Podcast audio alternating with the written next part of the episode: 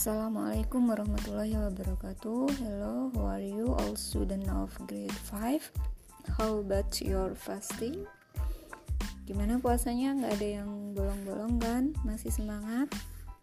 Alhamdulillah, tabarakallah ya Oke, okay, uh, eh, sekarang kita akan mereview chapter 5 sampai chapter 8 Siapkan bukunya ya Chapter 5. He is a teacher. Nah, di sini kita akan belajar tentang occupation, tentang pekerjaan gitu ya. Coba kita remember uh, vocabulary-nya. Vocabulary building ya di chapter ini tentang job atau tentang pekerjaan. Ada work, pekerjaan. Kemudian ada how long, berapa lama kemudian uh, kita remembering occupationnya ya jenis-jenis pekerjaannya. Ada fireman, mechanic, ada postman, carpenter, ada farmer, ada lawyer, ada doctor, ada dentist dan etc dan lain-lain. Page 57 ada pattern nih di situ ya ada rumus untuk membuat uh, kalimat untuk membuat sentence. Ada positive sentence, ada negative sentence, ada interrogative. Interrogative sentence itu kalimat tanya. Yang positive sentence ada subjek, uh, verb, objek atau uh, komplement ya pelengkap. Kalau di dalam bahasa Indonesia ada subjek, predikat, objek, tapi dalam bahasa Inggris itu sama saja ada subjek, verb, and object. Contohnya, dalam positive sentence itu I'm a student. Kemudian yang negatif tinggal ditambah not. I'm not a student. Kemudian yang interrogative, to be-nya taruh di depan. To be subject dan objek. Am I a student?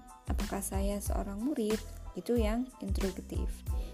Kemudian kita beralih ke chapter 6 Command sentence, kalimat perintah gitu. Kita belajar tentang command sentence.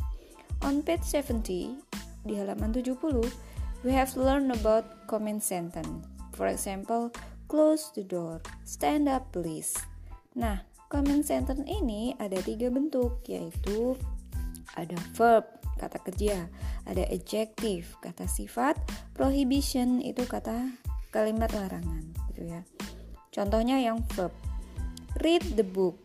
Kemudian yang adjektif be quiet be happy itu yang adjektif ya.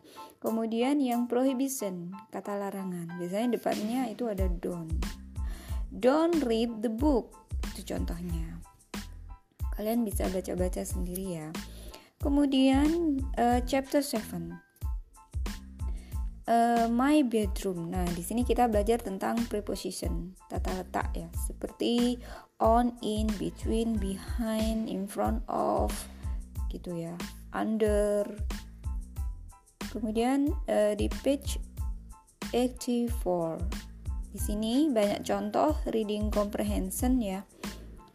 Uh, biasanya pada soal-soal ujian akhir biasanya kalau kalian uh, sudah kelas 6 atau biasanya ada UN gitu ya atau di soal-soal SMP SMA itu banyak sekali soal-soal berbentuk naratif atau narasi jadi teksnya banyak kemudian ada uh, pertanyaan itu maksudnya narasi seperti contoh di halaman uh, 84 itu Terus bagaimana mengerjakannya sedang waktu ujiannya terbatas misalnya ya. Nah, caranya adalah kita baca dulu pertanyaannya, kemudian cari kata kuncinya di teks. Nah, e, salah satu kuncinya di sini adalah kita harus banyak menghafal vocabulary gitu.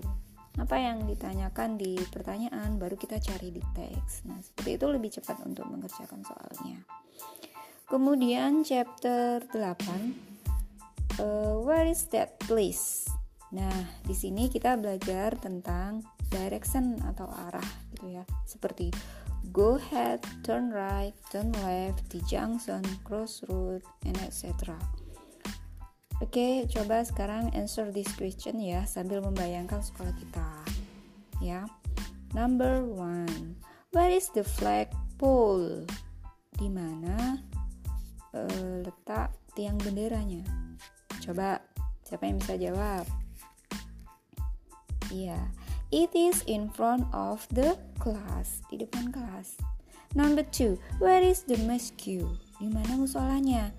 It is beside the kindergarten building ya sampingnya TK kemudian number three where is your class kelas 5 di mana coba letaknya it is beside grade 4 ya eh, di samping kelas 4 atau bisa juga it's between apa? Grade 1 and grade grade 4 ya. Antara kelas 1 dan kelas 4 itu saja dari Usada. Selamat uh, berpuasa. Have a nice uh, weekend. See you. Wassalamualaikum warahmatullahi wabarakatuh